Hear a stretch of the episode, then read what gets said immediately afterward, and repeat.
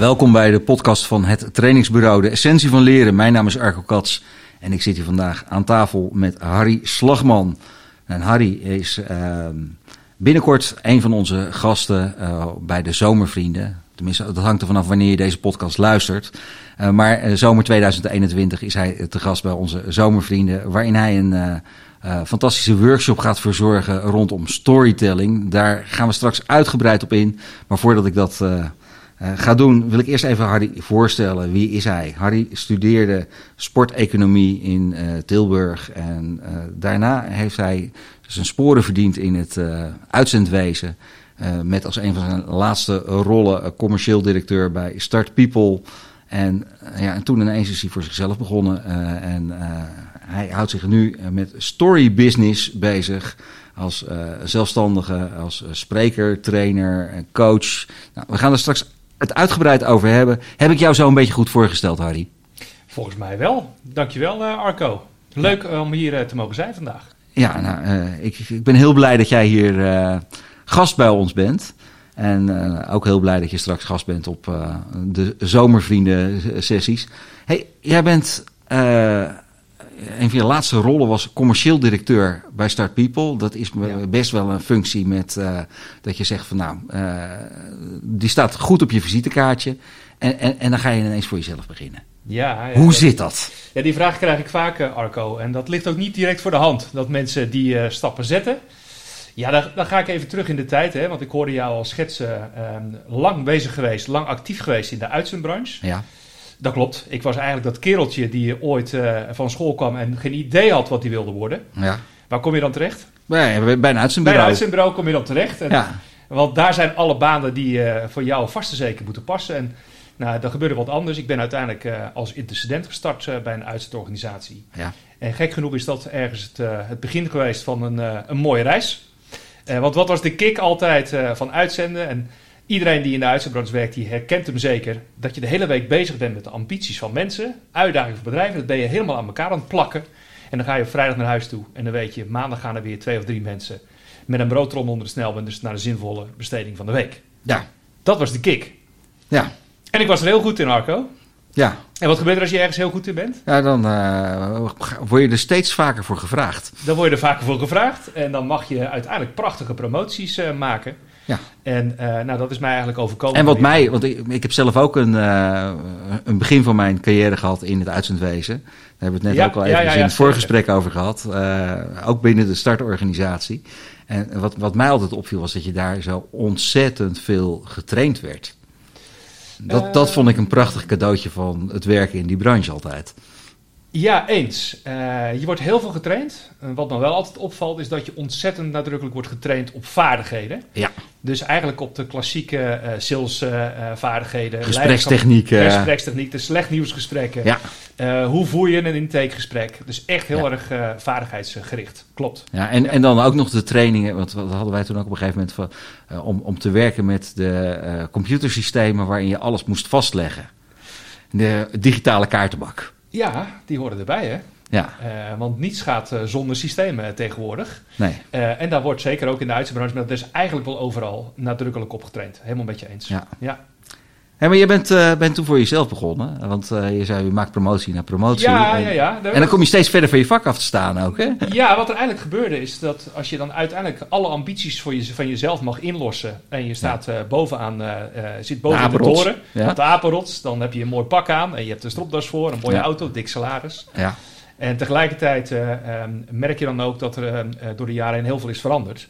Want wat was die kick ooit uh, als intercedent? Is dat je met hele kleine dingen bezig bent. Mensen, persoonlijke succesjes, kleine verhalen, mini-mini dingen. Ja. En genieten van kleine dingen. En ja, waar ben je vooral mee bezig als je op de apenrot zit van een groot bedrijf? Politiek. Politiek, KPI's, service level agreements, Ja. EBIT, rendement, kosten, omzet, Ja. PowerPoint slides en bullet points. Hè? Dat is ongeveer uh, wat er dan gebeurt. Ja. Ja, en toen merkte ik wel dat ik uh, uh, te ver van mezelf af kwam te staan. En dat ik veel te veel bezig was met koude dingen. Ja. Um, terwijl ik zeker weet dat als je mensen in een beweging wil krijgen, in een actie wil krijgen, ja, dat red je niet met koude dingen. Dan heb je nog iets voor nodig. Ja. Nou ja, dan heb je uiteindelijk heb je het over verhalen, heb je het over emotie, heb je het over context, heb je het over beeld en geluid. Ja, en Mhm. ergens is daar uh, de brug geslagen tussen uh, het vak van uitzenden, commercieel directeur, naar eh, eh, de zakelijke kracht van verhalen. Ja, want uiteindelijk is dat ook wel een van de dingen die, eh, ja, als er goede verhalen bij zitten, Mhm. eh, maar ze moeten ook wel echt van, van binnenuit komen. eh, merk ik dat op het moment dat je een, directeur of een manager meemaakt die eh, alleen maar met die KPI's bezig is, dan gaat daar 9 van de 10 keer helemaal niet zoveel energie van uit.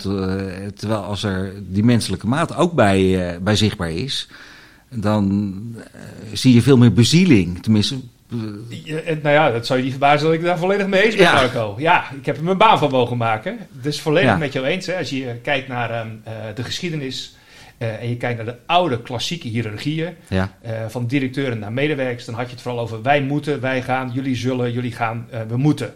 ja, Ja, en die tijd is wel voorbij. Zeker als je kijkt naar de jongere generaties. Die komen niet meer in beweging omdat iets moet. mhm, Eh, die willen op een of andere manier geïnspireerd worden en die willen beeld en geluid krijgen. En vooral weten, ja, maar waarom dan? ja. Ja, dan kom je eigenlijk in, eh, eh, eh, in verhalen uit. Ja, die, die allergie op, op het gebied van moeten, die heb ik zelf al, al heel lang ook bij me gehad. Waarschijnlijk ook een van de redenen waarom ik ooit voor mezelf begonnen ben. Maar een, een tijdje geleden hoorde ik iemand over het woordje moeten, eh, dat dat eigenlijk gewoon een natuurkundig begrip is. Als je een, een, een pen vastpakt en je haalt Ja. je hand weg, dan moet die vallen. Dat is een logisch gevolg van. En op het moment dat je het woordje moeten in, in die logische structuur gaat, gaat plaatsen, dan wordt die ineens voor heel veel mensen met een hoop allergie erop, wordt die makkelijker. Oh, maar dan geloof ik gelijk. Vond, vond het wel een mooie. Ja, zeker. Zeker. Hey, eh, en eh, wat, wat doe, je, doe je nu dan? Ja, wat ik doe. ehm, eh, eigenlijk eh, ehm, is, is storytelling eh, met, dan met name de zakelijke kracht van verhalen. Hè? Dus ik zeg altijd, je hebt op het gebied van storytelling allerlei smaken. En Ja, als je een mooie as maakt, zit er links zit, eh, de marketinggoeroe, even plat gezegd, die de campagnes vormgeeft voor, eh, ja. voor televisie enzovoorts. Helemaal rechts zitten de mensen die op een podium, eh, nou ik zeg maar even voor het gemak, de verhalen mogen vertellen voor geld. Even plat Ja. gezegd. Prachtige verhalen vertellen die misschien wel gaan over sprookjes, over mythes, over van alles en nog wat. Mhm. En ergens in het midden zit, zit ik. En dat betekent eigenlijk dat ik me bezig mag houden ehm, eh, op het gebied van ehm, leiderschap, van sales, ondernemen. Ehm, soms zelfs eh, presentatievaardigheden. En dat doe ik eigenlijk op drie vlakken. Eén, ik mag mensen helpen het zelf te leren. Met Ja. andere woorden, trainen, workshops en masterclasses. En soms mag ik ook echt gewoon lekker een uur lang als inspirator op een podium staan.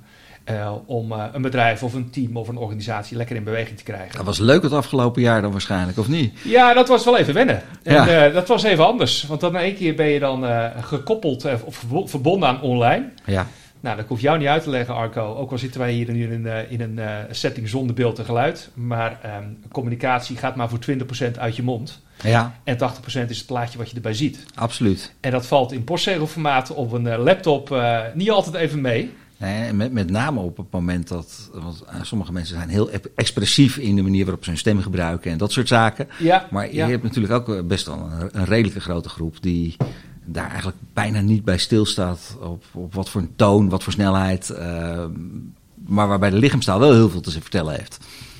Ja, en dat eerste, die stem, die kun je nog prima gebruiken. Hè? Ook online hè? kunnen we vandaag ook. Hè? Kan harder Absoluut. praten, zachter praten, sneller, langzamer. Maar wat je met je handen doet en wat je met je gezicht doet, je mimiek. Ja, dat is bijna de sleutel om eh, eh, je geloofwaardigheid over te brengen. Ja, ja, dat valt in een heel klein plaatje, in een postzegelformaat via Zoom of Teams, niet altijd mee. Mhm. Tegelijkertijd eh, hebben we het afgelopen jaar ook ontzettend veel geleerd. En laten we wel wezen, de kracht van verhalen werkt niet alleen maar als je live tegenover elkaar staat. Maar net zo goed eh, op het moment dat je in een online variant eh, de ander in beweging wil krijgen. Ja. ja, en er zijn natuurlijk ook allerlei varianten nog mogelijk om je verhaal op een andere manier van, van kleur te voorzien. Zeker, zeker. Maar wel lekker dat het, dat het nu alweer wat, wat vaker open gaat. Hè? Ik, eh, eh, ik hoor heel veel mensen die blij zijn dat ze weer op vakantie kunnen. Nou, dat ben ik ook. Ja. Maar ik ben nog veel blijer dat ik gewoon weer mensen live eh, kan treffen. Dat je Ja. ook in trainingen of in, andere settings gewoon weer lekker om elkaar heen kan lopen. Ja, En dat er gewoon weer hele andere energie, energie loskomt. Zeker. ja. Heerlijk. Hey, mensen meenemen daarin. Want hoe, hoe, hoe gaat dat in zijn werk als je dat doet? Nee, dan moet je Als- me even helpen. Als jij mensen meeneemt om zelf met storytelling aan, zakelijke storytelling aan de gang te gaan.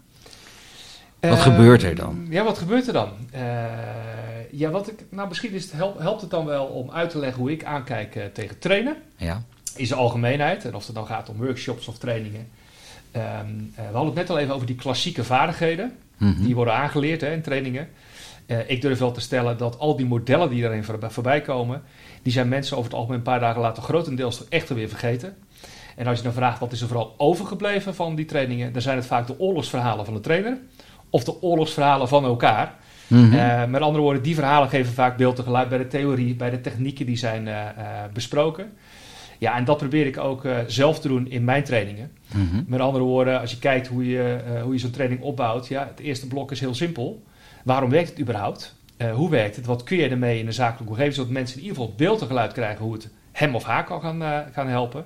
Ja, en dan kom ik gewoon in de actie. Dan gaan mensen daadwerkelijk aan hun eigen verhalen werken, vanuit eigen business cases. Mm -hmm. ja, en aan het einde van de dag gaan ze het ook gewoon een keer vertellen. En, en wat, voor, wat voor dingen zie je dan gebeuren? Want uh, als, als trainer ben je, enerzijds kom je wat brengen, maar je krijgt ook vaak dingen terug. Ik kan inmiddels uh, een prachtig boek schrijven, Arco. Als dat je vraag is, uh, van de verhalen die ik heb gehoord, de settings, de situaties die ik heb meegemaakt. Ja. Ligt, ligt er eens eentje uit? Um, nou, laat ik er twee uitlichten. Je ziet uh, uh, mensen uh, binnenkomen met de grootste ambities en de grootste plannen en ontzettend veel zin om heel veel te leren. Die ergens op het moment dat het spannend gaat worden, zichzelf redelijk kwijtraken. Die moet je weer boven water tillen en die moet je helpen om weer basale vaardigheden aan te leren. En je hebt af en toe mensen bij die vinden alles spannend enzovoort, totdat ze ergens mogen gaan staan. Het licht aangaat en ze de ruimte krijgen om hun dingen te doen dan ontpoppen ze zich af en toe als, uh, uh, nou ik zou bijna zeggen de Barack Obama's. Omdat hij voor heel veel mensen wel aanspreekt als een uh, begenadigd spreker, moet je bedenken. Dus het is elke keer weer juist weer heel spannend om te zien hoe mensen zich door zijn dag heen ontwikkelen. Mm -hmm. Ja, en dat maakt het voor mij in ieder geval heel erg boeiend. En als je dan vraagt van joh, mooie voorbeelden. Ja, ik heb mensen echt prachtige verhalen horen vertellen over hoe ze ooit vanuit een ander land in Nederland terecht zijn gekomen. Waar ze tegenaan lopen hoe ze uiteindelijk uh, stappen voorwaarts uh, hebben gezet en nu een prachtige positie innemen in, in ons land. Mm -hmm. Maar ik heb ook mensen prachtige metaforen horen gebruiken en leren gebruiken vanuit de sport die ze ooit hebben beoefend. Met andere woorden, de invalshoeken zijn eigenlijk altijd anders. Ja, met metaforen, dat, die worden ook wel vaak gebruikt, hè? Ja, ja.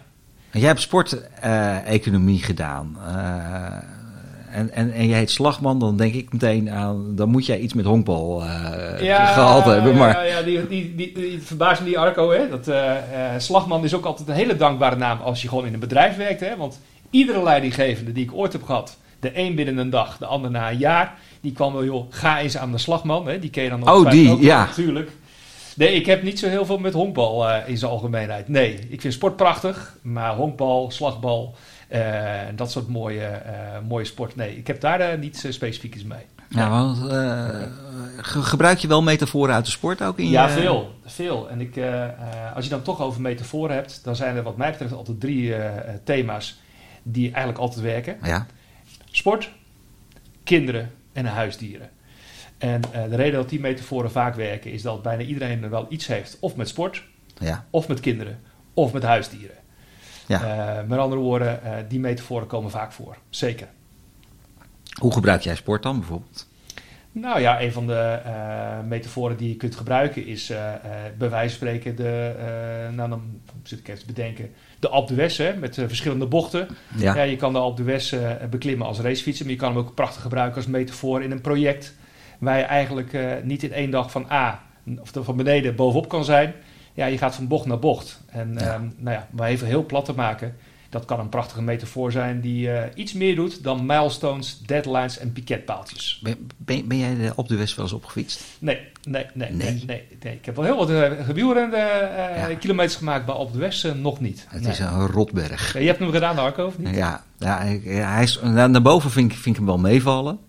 Dat is gewoon hard werken. Maar eh, naar beneden vind ik hem echt dood en is dood eng. gevaarlijk, hè? Ja. Ik vind hem zo eng. Dan ga je naar beneden. eh, die fiets die wordt mega naar beneden getrokken. Ja, ja. En dan kom je bij die bochten kom je aan. En dan denk je met je handen die verkrampen helemaal. En als er dan zo'n kabeltje breekt. Dan, ja, dus ik zit dan trillend op mijn, uh, op mijn fiets. Ik ga dan liever een, een, een berg af die ietsje ja, en de weg gelijkmatig is, De weg is ook niet afgesloten. Hè? Dus uh, nee. uh, je hebt nog een keer rekening te houden met anderen. Dus ja. het is geen Tour de France waar je lekker alle ruimte krijgt. Nee, ik snap dat volkomen. Ja. Ja. ja. En een van de mooiste dingen die ik daar ook een keer meegemaakt toen ik naar boven fietste. En, ja, mijn, mijn conditie is niet echt geweldig. Hè, maar ik ging zeg maar, wat, wat, ga je dan? 6 kilometer, 8 kilometer per uur, ik, ik, ik noem maar wat, naar boven. En ineens hoor ik flats, flats, flats, flats, flats achter me. En ik kijk om en er komt een man, ik denk dat oh, hij ja. wel 88 was, op een hele oude uh, Peugeot fiets. Ja. ja en die komt me gewoon zo inhalen, die gaat me fluitend voorbij. Ja, dat zijn de diesels, hè? Heerlijk. Dat zijn de diesels. Ja, uh, ja en dan herken je deze ook wel, hè? Tegenwoordig met de elektrische fietsen, om maar een voorbeeld te geven, hè? Dat jij uh, bloed, zweet en tranen trappen bent. En dat er een, een, een prachtig echtpaar met de windjacks aan, hè, om even zo te zeggen, die komen keurig voorbij. Zo'n ANWB-stelletje. Ja, die komen netjes voorbij gepeddeld. En uh, goedemiddag meneer. Ja, die wereld is wel het veranderen. Ja, ja. zeker. Ja, er verandert heel veel in de wereld natuurlijk. Hè. Uh, de afgelopen tijd hebben we, uh, mede door corona, ineens gehad dat we een, mega boost gehad hebben op het gebied van digitalisering. En dat daar een aantal dingen in, in veranderd zijn. Ehm, maar er zijn nog, nog veel meer dingen die constant in beweging zijn. En ik heb het gevoel dat dat de laatste tijd steeds sneller, vaker gebeurt. Dat ineens een markt overhoop gegooid wordt. En dat je moet aanpassen, moet veranderen, mee moet gaan, flexibel moet zijn. Uh, helpt uh, op een goede manier met zakelijke storytelling bezig kunnen zijn. daarbij om daar beter mee om te gaan? Um nou, misschien is het wel heel treffend dat er heel veel verandert en een aantal dingen ook gewoon niet. Mm -hmm. uh, en misschien dat mijn vak juist niet verandert.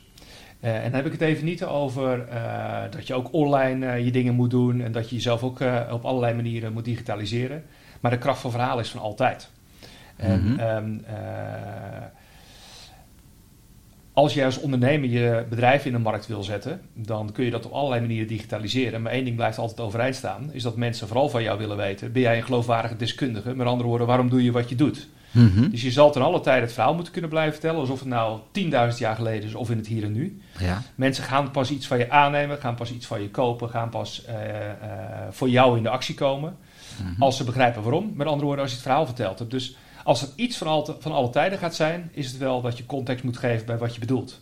Mm-hmm. um, uh, en dat dat op een andere manier kan uh, gebeuren. Hè. Tegenwoordig zie je TikTok, Instagram, Facebook en al dat soort uh, tools. Ja.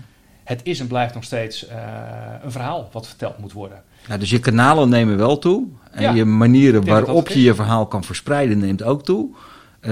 de hoe heet het, mensen die in aanraking komen met andere verhalen uh, dat is natuurlijk ook een kakofonie. Hoe zorg je dan dat je verhaal onderscheidend is? Ja, dat, dat doe je op, uh, op allerlei manieren, moet je bedenken. Maar het, uh, het voornaamste blijft al, en dan heb ik het vooral over ondernemers, is dat je dicht bij jezelf blijft. Dat geldt overigens ook voor leiderschappen. Ja. Uh, de directeur kan, heel hard, de directeur kan heel hard roepen op een groot podium, we gaan veranderen. Ja. Maar laten we wel wezen, de mensen in de zaal die kijken hem nog steeds aan, ja maar waarom dan? -hmm. met andere woorden, je zal nog steeds het verhaal moeten blijven vertellen. En of dat nou in een online setting is of op een podium of uh, op welke manier dan ook, um, uh, je zal je verhaal moeten blijven vertellen. Wat maakt een verhaal nou uh, echt? nou, ik zeg altijd een aantal dingen die zijn noodzaak in een verhaal. Ja. Eén, het moet over mensen gaan. Ja. En misschien is dat wel een van de voornaamste. En waarom moeten verhalen over mensen gaan? Dat is het enige waar wij ons mee kunnen identificeren. Dus ik vind het verhaal van het trainingsbureau Mm Vind ik eigenlijk een saai verhaal.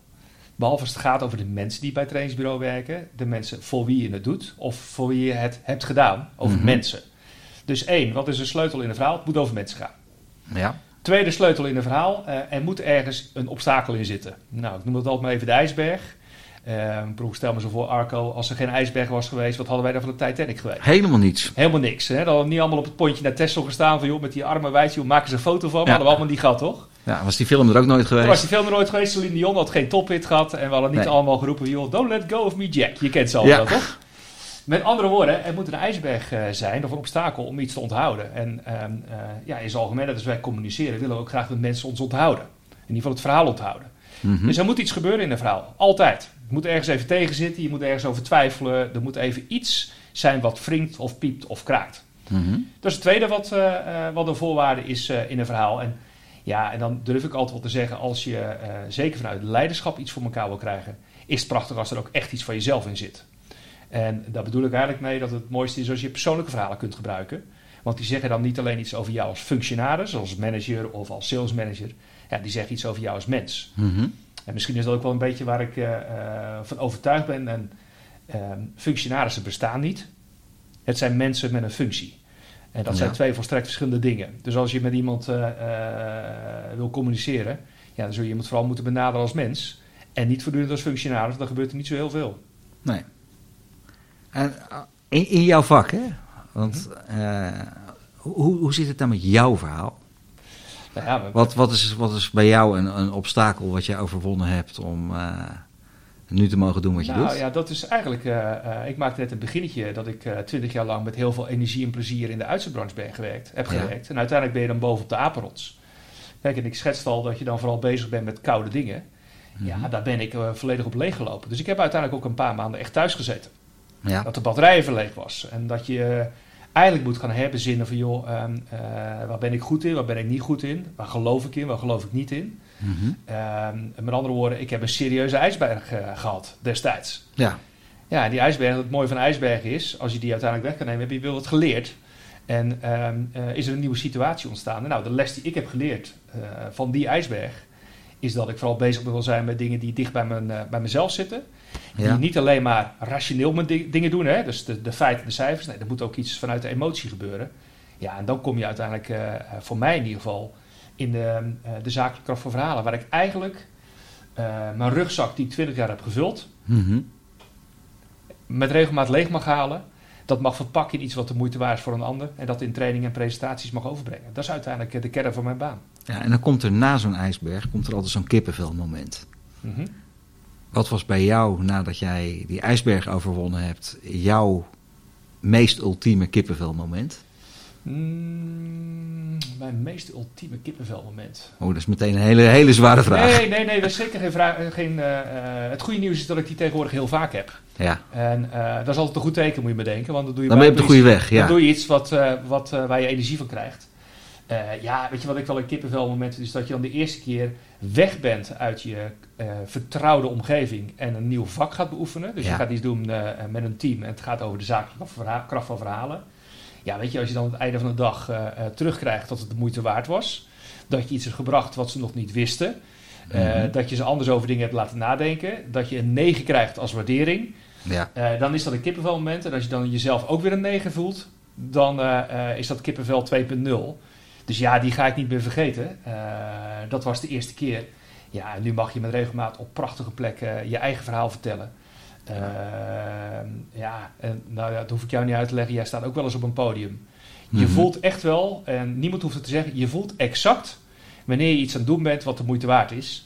Eh, dus de kippenvel kun je soms ook krijgen op het moment dat je nog midden, midden bezig bent. Ja, oh, absoluut. absoluut. En gelukkig heb ik dat ook nog regelmatig. Dat, we, dat je tegen die, die momenten aanloopt. Maar eh, dat, Weet, je, dat, weet je wat ik altijd wel mooi vind, Arco? Complimenten zijn altijd gaaf, hè? En een compliment krijgen voor iets wat je gedaan hebt, dat is heerlijk. Weet je wat de mooiste complimenten zijn? Die je een paar maanden later krijgt.